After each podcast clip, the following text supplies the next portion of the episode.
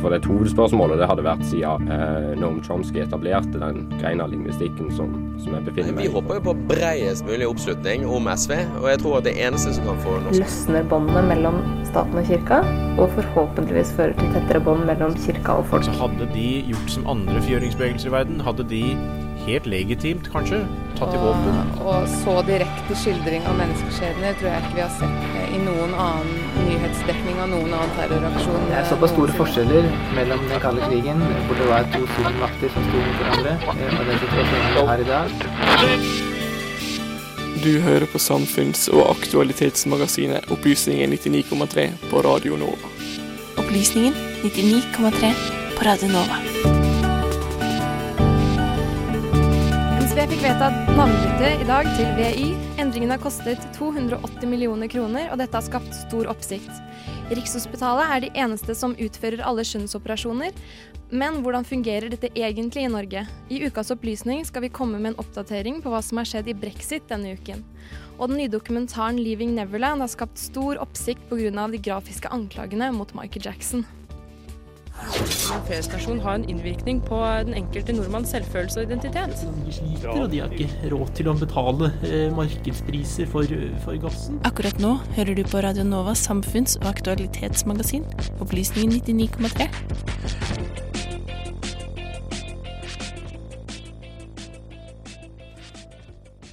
Hei og velkommen til ukas opplysning. Eh, med i studio i dag har vi med oss Julie Solvin Jacobsen og Sander Georg Lia Zakaria. For ikke lenge siden kom det ut at NSB skulle bytte navn, logo, uniformer og farger. Det har fått mye hets, bl.a. pga. den høye prisen og det nye navnet. I studio i dag har vi med oss kommunikasjonsdirektør i NSB, Elin, eh, Elin Myrmel Johansen. Velkommen til oss. Tusen takk. Takk for at jeg fikk komme. Eh, hvorfor har dere endret navn til akkurat Vy? Den viktigste årsaken til at vi eh, ønska å endre navnet, det er at navnet vi har i dag, Norges Statsbaner, eh, NSB, det er ikke dekkende for det vi driver med. For jeg er sikker på at hvis jeg spør deg eller noen andre på gata, så tenker folk at det er bare tog. Men over dobbelt så mange av våre medarbeidere jobber med buss. Eh, 7000. Og i tillegg så vil vi gjøre det enda enklere for folk å reise kollektivt og ta de helt fra dør til dør. Kanskje med disse bybilene som noen har sett eh, i Oslos gater, eller med bysykler eller andre fremkomstmidler. Så vi er så mye mer enn det forrige århundrets Norges statsbanere. Så derfor så trengte vi et nytt navn. Mm. Hvorfor har, gjort, har, dere gjort denne massive endringen? Eh, det er jo sånn at eh, utviklingen har gått i retning av at teknologi og digitalisering gjør at det vi ikke fikk til for noen år siden, det er mulig nå. Sånn som f.eks. å koble sammen buss- og togtjenester eh, i én app, sånn at du kan kjøpe og søke opp billetter et sted. Og så er det sånn at eh, mer det som forbrukere, vi forventer bare mye mer. Vi forventer at ting henger sammen. Eh, og når vi skal gi et samla tilbud, så kan vi ikke ha mange merkevarer. Det er, bare, det er både forvirrende for oss som kunder, og så blir det ganske dyrt, det også. Mm. Men hvorfor akkurat, nei, hvorfor akkurat nå? eh, jeg, jeg, tror det er en, en kombinasjon av konkurranseutsettingen på norsk jernbane, som, som, mange kanskje forbinder med jernbanereformen. Eh, før så hadde vi monopol på alle strekninger, og vi som kjørte alle tog i hele Norge. Eh, med et par unntak, eh, bl.a. Flytoget. Men ellers, eh, men med den konkurranseutsettingen så må vi ut og konkurrere med internasjonale og eh, aktører. Så vi trenger trenger å skille oss ut og eh, si at vi er noe annet. Og så er det jo det å koble sammen eh, buss og tog da, som er så viktig, med 7000 eh, bussansatte hos oss som ikke kjenner seg så godt igjen i å hete Norges Statsbaner. Mm. Ja, eh, det, stemmer det at det har blitt 280 millioner kroner? Ja, det, den summen Man tar jo alltid utgangspunkt i det høyeste tallet. Eh, og aller først så kan jeg jo si at det koster mye å gjøre store endringer. Og ja, det blir dyrt. Det koster mellom 220 og 280 millioner. Ikke på ett år, men i løpet av tre til fire år.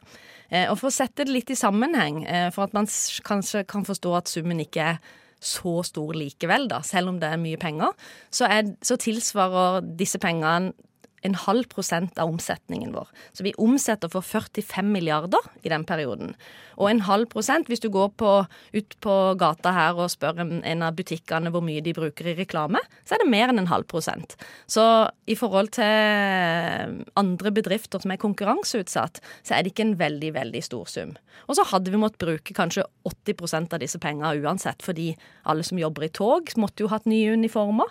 Eh, hvis de skulle hett NSB, f.eks., og vi hadde beholdt navnet navnet. Og vi måtte jo ha malt om alle disse bussene også, og, og gjort noe med logoen. For den gamle logoen inneholder jo et, et veldig tydelig togsymbol, så vi måtte gjort grafiske endringer. Så, så det er ikke sånn at eh, eh Ja. Og så tror vi jo helt klart på at dette skal komme kundene til gode. Hvis ikke så kunne vi ikke forsvart å bruke så mye penger. Mm. Og så er det jo mange som sier at eh, heller bruke pen pengene på å stoppe forsinkelser. Men er det mhm. egentlig dere som står for de forsink forsinkelsene? Vi har, vi har, fått veldig mange gode forslag til hva de pengene skulle brukes til. Eh, og det er jo Det viser engasjementet som er Det er jo fantastisk å kunne lese hvor mye følelser og, og gode ideer folk har til, til hva man kan bruke pengene på. Og det å få toga til å gå har vel kanskje vært gjengangeren.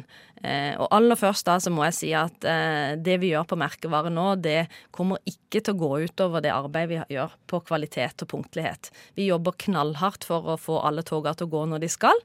Men, men det er riktig som du sier, 85% av alle forsinkelser har vi ikke ansvar for. Det er ofte feil på infrastrukturen, og infrastruktur er da et eh, begrep som som rommer alle togskinnene du ser, strøm, eh, sviller, eh, signalanlegg f.eks., og det er det Bane NOR som har ansvar for. Og så er det veldig mye vær i Norge som gjør at eh, krevende værforhold også gjør at togene stopper.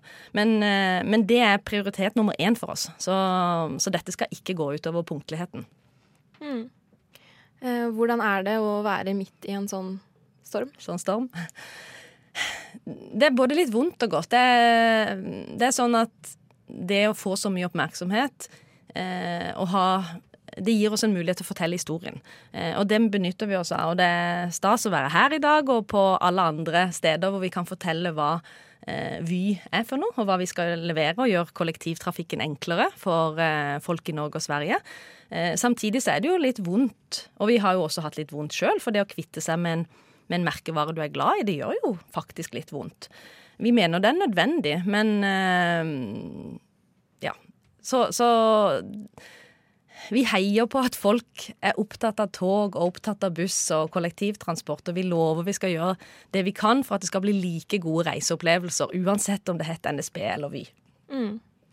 Hvordan vil det eh, påvirke oss, da, som forbrukere? Som kunde? Mm. kanskje du allerede har sett, hvis du har NSB-appen, så har du kanskje sett at det er en liten sånn flik som er liksom i ferd med å liksom bli dratt av. Eh, for den skal jo hete Vy. Eh, vi tar i bruk Vi fikk vedtak i dag. Det er en eh, stor dag for oss. Så generalforsamlingen sa at eh, ja, dere kan eh, bruke dette navnet. Eh, men det er ikke før 24. april vi skal virkelig ta det i bruk. Eh, og da vil eh, appen komme selvfølgelig med, med ny logo, nettsidene blir nye. Vi skal koble ut på høsten, så får du se alle medarbeiderne våre, både i tog og buss, i helt like uniformer og nye uniformer. Og togene og bussene begynner å bli malt om og reprofilert. Eh, det tar lang tid, altså. Et par år på toga. Men i løpet av året så er alle bussene klare. Så eh, det, det skjer litt gradvis. Vi, det vil bli dyrt og vanskelig å gjøre alt på en gang. Men eh, Og så vil du få bedre tjenester etter hvert. Vi håper at vi kanskje skal få flere og flere til å enten la bilen helt stå, eller hvis de har to biler, kanskje de klarer seg med én. Mm. Ja, og så er det jo mange som håpet på lavere da, priser tror jeg, innenfor kollektiv, da, siden det har blitt sånn. Mm. Mm. Du kan ikke parkere bilen i Oslo, du vil ha bilfritt Oslo og sånne ting. Hvordan vil det endre seg? Vil det bli høyere pris, lavere pris? Eller samme pris? Jeg tror, eh, jeg tror, eh, du vil få ulike tilbud. Og noen vil sikkert bli litt sånn flottere tilbud som betaler mer for, men jevnt over så går ikke prisene Prisene går ikke opp for dette. Det følger prisutviklingen i NSB har hovedsakelig fulgt inflasjonen, så man har hatt en justering i året. Men vi vil jo gjøre det attraktivt å reise kollektivt, og da må det selvfølgelig være konkurransedyktige priser. Mm. Så det er ikke noe sånn prisstrategi som skal øke. Og så vet vi jo at hvis det blir bilfritt i sentrum, så så er det av og til du trenger bil. Kanskje du skal innom en butikk og handle noe som er litt tungt og sånn. Og da er sånne små delebiler som mange kan bruke, som er elektriske, i hvert fall mye bedre enn å ha sin egen dieselbil. Mm. Ja, eh, tusen takk for at du kom til oss, kommunikasjonsdirektør for Vy, Elin Myrmel Johansen. Tusen takk for at jeg fikk komme. En feriestasjon har en innvirkning på den enkelte nordmanns selvfølelse og identitet. De sliter, og de har ikke råd til å betale eh, markedspriser for, for gassen. Akkurat nå hører du på Radio Novas samfunns- og aktualitetsmagasin, Opplysningen 99,3. Ifølge bufdir.no finnes det mellom 20 000 og 260 000 transseksuelle i Norge. Om noen av disse ønsker å endre kjønn, enten delvis eller helt kjønnsskifte, er det Rikshospitalet som har monopol i Norge på å starte denne prosessen. Men hvordan oppleves denne prosessen for de som går igjennom den? Jeg og Sander Lie Zakaria har snakket med to stykk om deres opplevelse. Første møtet mitt med Riksen var eh, i 2015, tror jeg. Jeg var vel 18 Nei, men da var det tidligere. Det var 2014. Um, så det, altså, hele prosessen med Riksen da starta jo med at jeg først eh, ble henvist til BUP og måtte liksom gjennom en prosess der og liksom finne ut at jeg ikke hadde noen andre store forstyrrelser. Eh, og så blir man videre henvist til Rikshospitalet. 21 år gamle Noah Liem Lyslo Skullestad fra Kongsberg forteller om sine erfaringer fra da han ønsket å starte sin prosess for å bli en gutt. Og det var egentlig ganske greit den første gangen. Jeg hadde jo hørt veldig mye om Rikshospitalet før. Jeg hadde hørt at de um, legger veldig stor vekt på tradisjonelle kjønnsroller. Du kan på en måte ikke være noe midt imellom. Du må være veldig jente eller veldig gutte. Um, så jeg husker at jeg liksom tok på meg de mest maskuline klærne jeg hadde. Jeg var forberedt på liksom en sånn Jeg er en sterk heterofil mann som jeg ikke er i det hele tatt. Akkurat som Noah følte også 20 år gamle Billy Skjøne Saksegård fra Drammen at Rikshospitalet fokuserte på at man måtte passe inn i rollen som det kjønnet man ønsket å bli. Ønsket man å bli kvinne, måtte man være 100% feminin. Første gangen jeg var der, så var det vel liksom øh, Ble jo oppfordret til å liksom Rett på blonde undertøy og kjole, og det var liksom Det var en veldig sånn enten-eller øh, Litt sånn konservativ, da? Ja, veldig. Og det var liksom ikke Det var ikke rom for egentlig på en måte at kvinner kunne være noe mer enn en stereotypi, egentlig, da, ikke sant? Nei. Noah følte han ikke kunne være ærlig med egne tanker og følelser rundt kjønn og hans egne identitet. Før jeg begynte, så var det veldig mange som sa ok, du kan aldri si det på Riksen, f.eks. Du kan aldri si at eh, du f.eks. liker litt feminine ting, da. Du må være skikkelig maskulin. Og det var på en måte Altså, det har på en måte blitt en sånn greie hvor transpersoner nesten læres opp til hvordan de skal oppføre seg på Riksen. Han var en gang ærlig om sine egne tanker rundt eget kjønn, og fikk kjenne på konsekvensene av dette. Ja, nei, altså, jeg prøvde en gang.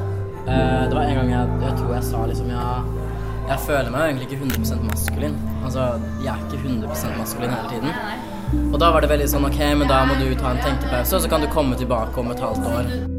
Ikke bare risikerer du at det tar lengre tid, men du risikerer jo også at du ikke får behandling i det hele tatt. Ja, ja. Um, og det er jo for veldig mange livsnødvendig, faktisk. Det kan få ganske fatale følger hvis man er ærlig og kommer med et svar som ikke på en måte passer inn i deres eh, syn på, eh, på kjønn, ikke sant? Et sted hvor man egentlig skal føle seg trygg, ender med å bli et sted man føler seg liten og alene. Du kommer dit, og du er redd, og du er sårbar, og du stoler ikke på dem. Og de stoler heller ikke på deg. Ikke noe gjensidig tillit, og det tenker jeg er det største problemet. egentlig. Fordi jeg tror ikke nødvendigvis at alle de som jobber på Riksen er fæle mennesker, men det er bare det at de har ikke noe tillit til pasientene sine, og pasientene har ikke noe tillit til de heller. Eh, og det skjønner jeg jo godt. Jeg, har jo, jeg gikk der lenge, fikk jo høre at eh, OK, du får starte på hormoner om et halvt år, og så gikk det jo et år likevel. Um, og jeg har også blitt fortalt der at ja, du kommer ikke til å bli lykkelig. Uh, det har jeg fått høre. Jeg har også fått høre at ja, du tar opp plass for folk som faktisk trenger kirurgisk hjelp eller medisinsk hjelp. Uh, og det har jeg fått høre med psykologen min til stede. Og da tenker jeg at det er ganske sjukt at man sier det til pasientene sine, da, som egentlig er folk som du vil hjelpe. Det er det ene trygge stedet vi skal kunne ha, og så har vi ikke det. Uh, og det, den er vond når man føler seg alene fra før av, på en måte. I Norge er det utelukkende Rikshospitalet som gir den nødvendige behandlingen til transpersoner, og folk fra hele landet blir henvist hit. På På sine nettsider skriver Rikshospitalet at erfaringsmessig vet vi at mange pasienter med diagnosen transseksualisme flytter til Oslo i løpet av en flerårig behandlingsperiode. Og dermed har vi en relativ overvekt av henvisninger fra Helse Sør-Øst. Dette kan skyldes at toleransen og aksepten for transseksualisme er større i Oslo-området enn i resten av landet. Derimot mener Billy og Noah at dette kommer av sentraliseringen og begrensende tilbud. Tilbudet burde jo virkelig desentraliseres. Det er jo helt, eh, helt merkelig hvordan du må Landet vårt er ganske langstrakt. Og du, hvis du sliter med dette her i Alta, så må du ned til Oslo for å få én time for å høre at du må komme tilbake om et halvt år igjen. Du får jo, det er jo helt, det er jo helt snålt. Samtidig har Rikshospitalet stilt seg kritisk til privat behandling. Og så har jeg fjerna brystene, men det har jeg gjort privat. Rett og slett fordi det er lang ventetid der, men også fordi jeg har eh, hørt at de har sagt at de har, de har såpass lite kapasitet da, at de eh, i hvert fall til en jeg kjenner, har sagt at ok, bare gå og operer deg privat. Det går fint. Eh, men det som da er veldig merkelig, er at de etterpå har lagt ut eh, på nettsiden sin at eh, alle som har påbegynt privat behandling, får ikke behandling hos oss. Midt i påskeuken 2018 oppdaterte Rikshospitalet sine retningslinjer. Det ble nå vanskeligere for transseksuelle som allerede hadde startet behandlingen privat, å få behandling hos Rikshospitalet i tillegg. Dette førte til store protester og nærmest panikk hos organisasjonen FRI, som står for Foreningen for kjønns- og seksualitetsmangfold. Eh, Det resulterte jo i at det var mange unge, veldig, mange, altså veldig unge transpersoner som har gått rundt med et håp eh, om å begynne privat, f.eks. Eh, nå føler at det liksom får Ja, ikke sant. De får inntrykk av at ok, nå kommer jeg aldri inn på Riksen, nå er det ikke noe vits å leve mer. Så de frykta rett og slett at det her gikk, det her gikk rett og slett på liv og død for veldig mange. Derimot trakk Rikshospitalet tilbake formuleringen kort tid etter.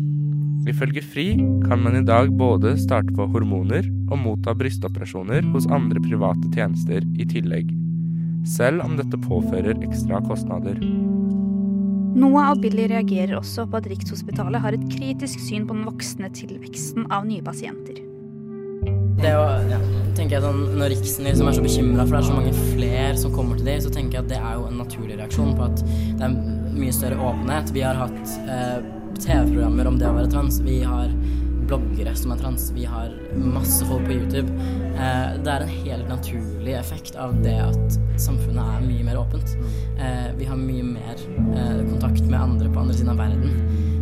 Da er det ikke så jævlig rart at det er flere som skjønner ok, det er det her, det er, her- det, er det her som skjer med meg, liksom. Og så er det litt skummelt, syns jeg, reagerer på på en måte at folk begynner å finne seg selv litt mer med litt sånn avsky på den måten. Eller at liksom med en sånn Det er litt en bit med at om Det er liksom herlighet. Folk finner endelig ut av hvem de er. Kan vi ikke bare se på det som en fin ting, enn at man skal tenke på det negativt? Se for dere at uh, sjefen på Rikshospitalet og Bent Høie sitter og hører på akkurat nå. Altså, hva, hva ville dere kanskje Hva ville dere sagt? Hva er det som liksom er viktig for dere? Hva er det som endres med dette systemet? Behandle oss med respekt, først og fremst. Putt oss og se på oss som individer og eh, på en måte mennesker med følelser, og at vi er sår, i en sårbar situasjon, heller enn at på en måte, de skal putte sin egen agenda først, da. Rett og slett. Det er min lille, litt, mitt lille hjerteskrik, rett og slett. Jeg tenker at det er superviktig først og fremst at, eh, at det desentraliseres. da, At man har tilbud der man bor. Eh, om ikke i hjemkommune, så i hjemfylke, i helseregionen. Det er kjempeviktig når det er folk som må reise så langt. Um, og i tillegg så syns jeg at de må bli så sinnssykt mye flinkere på dette med individuell behandling. Jeg skjønner at de ikke kan skreddersy en plan for alle, men jeg syns de burde se enkeltindivider mye bedre enn det de gjør. Uh, og ikke selge en pakkedeal, for det fungerer for de aller færreste, rett og slett. Ikke sant. Og gjerne la det være et trygt rom for de som kommer, fremfor at man skal øve seg i forkant og, og i hvert fall lyve og liksom la det heller være trygt og godt. Og så kan man få senke skuldrene og bli sett på som at man ikke er gæren. Så mer ressurser til hver enkelt eh, pasient, definitivt. Definitivt. Mm. Faktisk. Ja.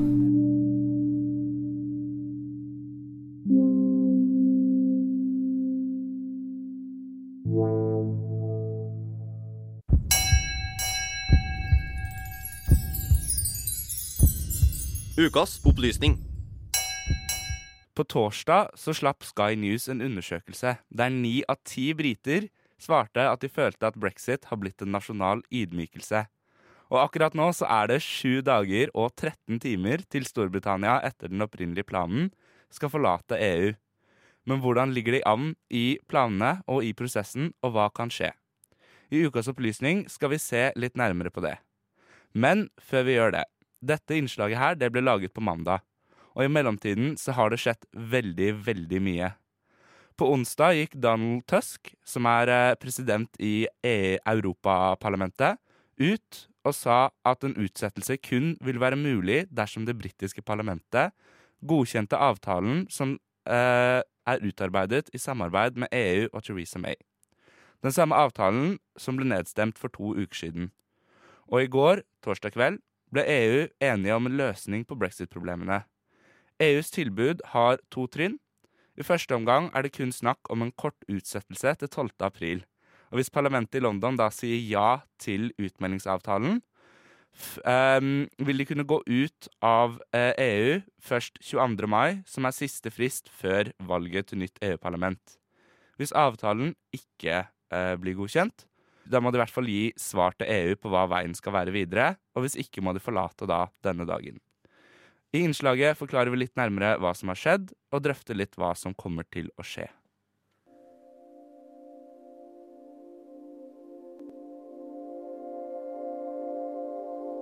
I dag er det akkurat én uke til Storbritannia etter planen skal forlate EU.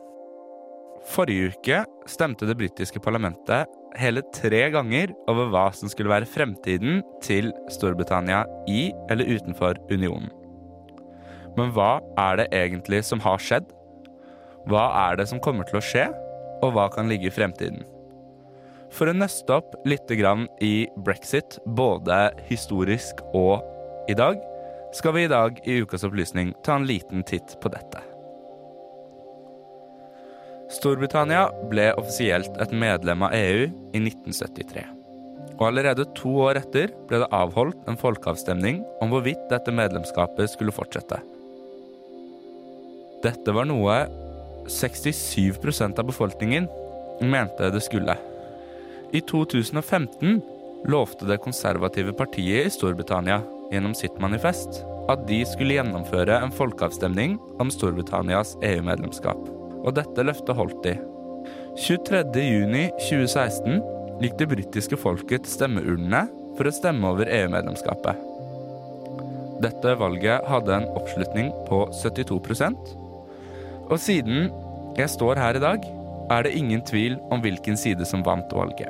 Det var nemlig Liv-siden som vant med 51,8% av stemmene. Direkte etter valget snudde Storbritannias økonomiske trend seg. Og pundet falt med 19% samtidig som David Cameron valgte å trekke seg som leder av det konservative partiet, og dermed også som Storbritannias statsminister. Theresa May overtok tøylene etter Cameron og gjorde det klart 2. oktober at hun planla å iverksette artikkel 50 i slutten av mars 2017. Og dermed startet prosessen med å trekke Storbritannia ut av EU. Artikkel 50 gir Storbritannia og EU to år på å utarbeide en avtale, og satt dermed fristen for å komme til en ny avtale til neste fredag, 29. mars. Theresa May ønsket også å gjennomføre et nytt valg i Storbritannia. Hun forklarte at hun ønsket dette for å få et bredere mandat bak seg under forhandlingen av en ny avtale med EU og avstemningene i parlamentet. Valget ble avholdt 8.6.2017, men Theresa May fikk ikke mandatet hun ønsket seg, og partiet endte opp i en mindretallsregjering støttet av det nordirske DUP, Democratic Unionist Party. 25.1.2019 ble brexit-avtalen lagt fram for det britiske parlamentet. Avtalen møtte ekstrem motstand og ble nedstemt med 432 stemmer mot og 202 stemmer for. The eyes to the right, 202. The nose to the left, 432. Forrige uke var det på tirsdag nok en gang duket for en ny avstemning i parlamentet over avtalen. selv om den ikke møtte like stor motstand forrige uke, ble den fortsatt nedstemt med 391 stemmer mot 242 stemmer. Mr. Jeremy Corbyn. Thank you, Mr. Speaker. The government has been defeated again by an enormous majority, and they must now accept their deal, their proposal, the one the Prime Minister has put, is clearly dead and does not have the support of this House. Etter nederlaget for Theresa Mays avtale besluttet parlamentet at de på onsdag skulle stemme over om det i det hele tatt var mulig for Storbritannia å forlate EU uten en avtale. Noe avstemningen resulterte i at ikke skulle gå, og at Storbritannia derfor måtte ha en avtale for å kunne gå ut av EU. Siden det etter disse to avstemningene var slik at de verken ville ha avtalen som lå fremme, eller kunne forlate uten en avtale, holdt de en avstemning over en utsettelse av utmelding til 30. juni, noe parlamentet gikk inn for. Dermed venter jeg i redigerende stund på EUs svar til dette. Men hvorfor har det vært så vanskelig å komme frem til en avtale? For tre uker siden snakket vi i Opplysningen med Christian Steines, professor i moderne europeisk historie ved NTNU, og dette var det han hadde å si om saken. Nei, som du sier, så har det vært mange saker, bl.a. folk som bor i Europa, som er briter og europeere som bor i Storbritannia osv. Men alt dette er for så vidt løst. Så store, eh, det store problemet som gjenstår, er såkalte backstoppen. Altså grensen mellom Irland og Nord-Irland, som da er grensen mellom EU og Storbritannia. Men hva kommer til å skje i fremtiden med brexit? The Guardian skriver at selv om avtalen har blitt nedstemt to ganger, kan den fortsatt få et tredje forsøk, eller enda flere. Og selv om det nå er opp til EU å bestemme seg for en utsettelse, er det til syvende og sist opp til Storbritannia å bli enige om hva slags avtale de ønsker å ha med EU, og hvordan utmeldelsen skal gå. Mange som er usikre på hva som venter Storbritannia i fremtiden, har hevdet at det er på tide med en ny folkeavstemning. Derimot er det veldig uklart om hva man i det hele tatt ville stemt over i denne avstemningen. Hva skulle alternativene vært? Skulle valgmulighetene være Theresa Mays avtale eller å bli i EU? Eller skulle det være hard brexit eller å bli i EU? Eller kanskje et valg mellom alle tre alternativene? Forrige uke stemte også det britiske parlamentet mot et forslag om å ha en ny folkeavstemning, der kun 81 mandater stemte for.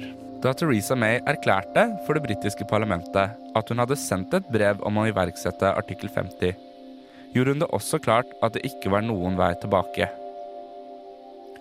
Men skulle de bestemme seg for at de ikke ønsker å gå ut av EU, er også dette opp til EU-parlamentet. Med én uke igjen til den opprinnelige utmeldingsfristen er det veldig uklart om hva som kan skje i fremtiden. Går Storbritannia i det hele tatt ut av EU til slutt, og i så fall med hvilken avtale? Det er det bare tiden som vil vise.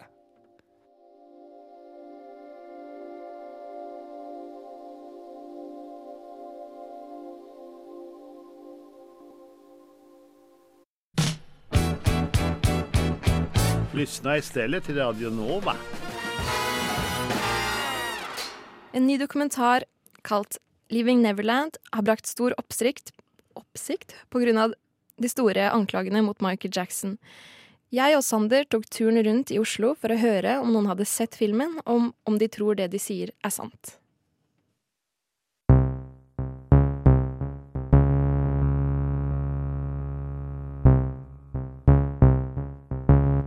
En ny dokumentar om Michael Jackson, 'Leaving Neverland', har skapt sterke reaksjoner. Dokumentaren har fått 7,1 på IMDb. I dokumentaren blir han anklaget for seksuelle overgrep mot barn.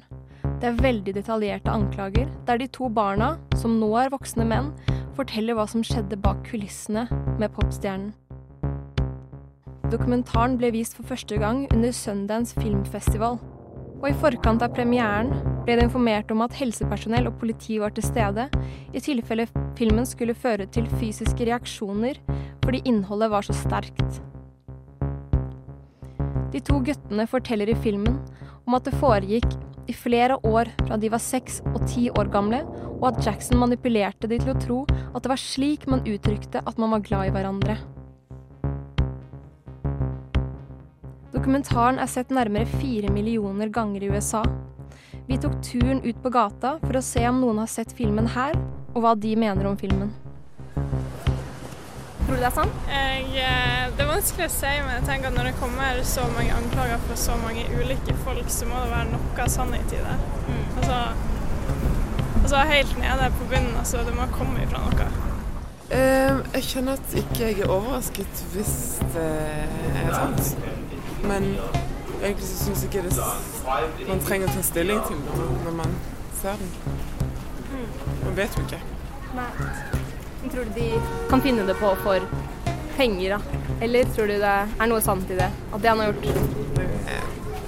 Det er mange som gjør det pga. penger. Men eh, jeg håper Hvis det ikke er sant, så er det helt grusomt gjort. Jeg kan forstå hvorfor de har hatt behov for å fortelle sin historie. Særlig siden de har bedektet for det før. Men hvis det ikke er sant, så er det vondt. Så eh, Men eh, det er umulig for oss å vite.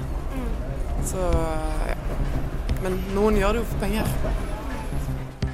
Om jeg tror det er sant? Eh, ja, jeg tror det er sant. Jeg gjør det. Mm. Hvorfor det? Det er bare en følelse. Ok. Mm. Takk. Tusen takk. Yeah, I believe it's true. Yes, I think it's hard to dispute after you've seen the uh, documentary. So, yeah. Hmm. Eh, veldig usikker. Jeg er litt eh, kritisk til den. Fordi vi kanskje kan gjøre det for penger? Ja. Ja. ja egentlig. Ja. Eh, nei, fordi at eh, det er jo ingen kildehenvisning der, og eh, de har valgt å utelukke en del informasjon eh, som kunne skade historien deres. Og så er det Ja. Så er det litt sånn ehm, så det, Hvis man leser litt om den historien, så finner man mye hull da, i det. Ting som kan virke veldig overbevisende, men som ikke nødvendigvis er det. da. Ja. De som er på Jackson sin side, mener at dokumentaren er et karakterdrap som foregikk før han døde også. En filmanmelder skriver det tar bare to minutter før man forstår at Michael Jackson sitt ettermæle aldri blir det samme igjen.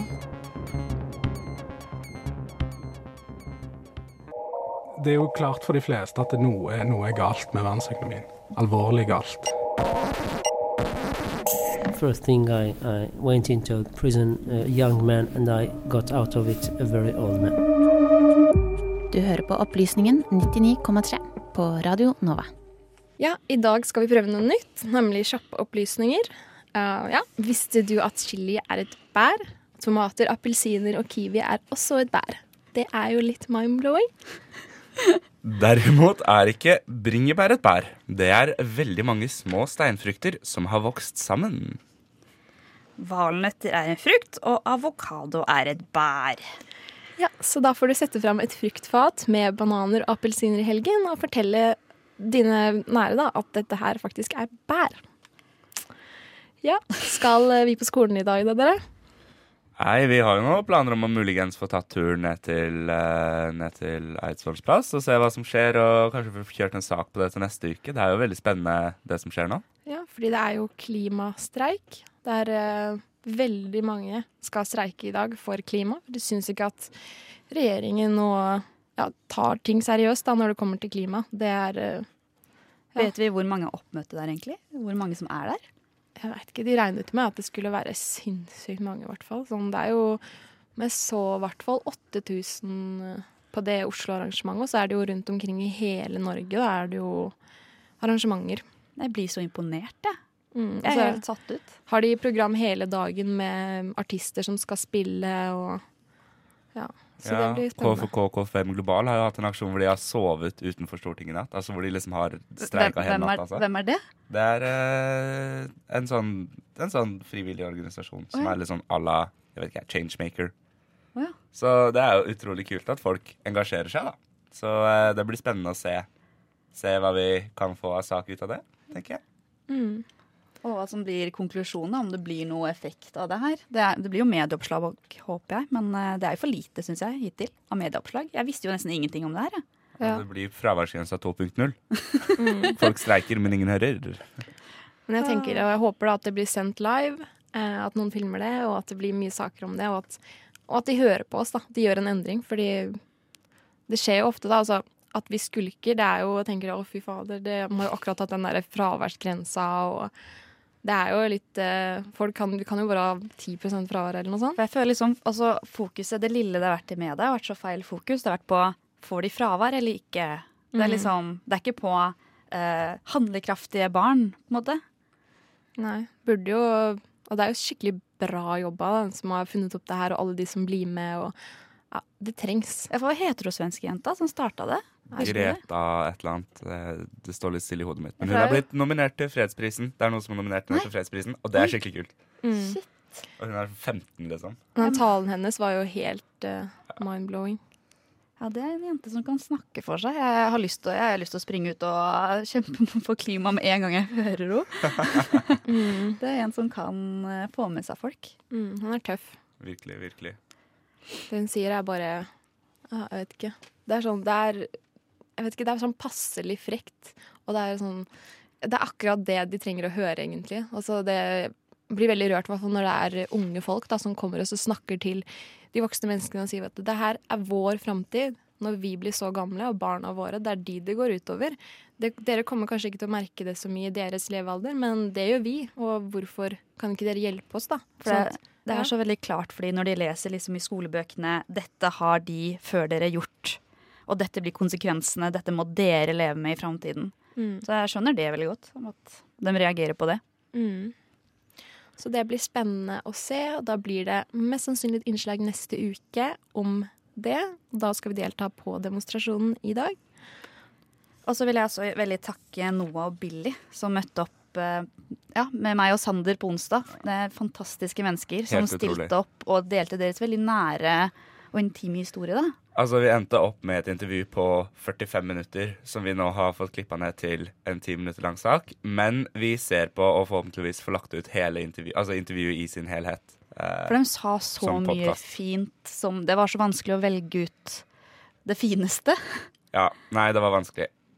Mm. Og så vil jeg også si takk til eh, kommunikasjonsdirektør for NSB, som faktisk eh, kom hit eh, og lot oss intervjue henne. Eh, Så tusen takk til deg. Jeg tror hun har det Hun er opptatt om dagen, tror jeg. Ja. Det er eh, Elin Myrmel Johansen. Takk til deg. Og så må vi si super, super tusen takk til den største superhelten i verden, nemlig vår tekniker Annika Selin Bogen! Hun har redda oss et par ganger i dag, og husk at dere er på lufta nå. Ja. Og tusen takk for i dag. Du hørte på Opplysningen 99,3 med Julie Solvin Jacobsen, Sander Georg Lia Zakaria, som sagt Annika Bogen på teknikk og meg, Josefine Marstad. God helg.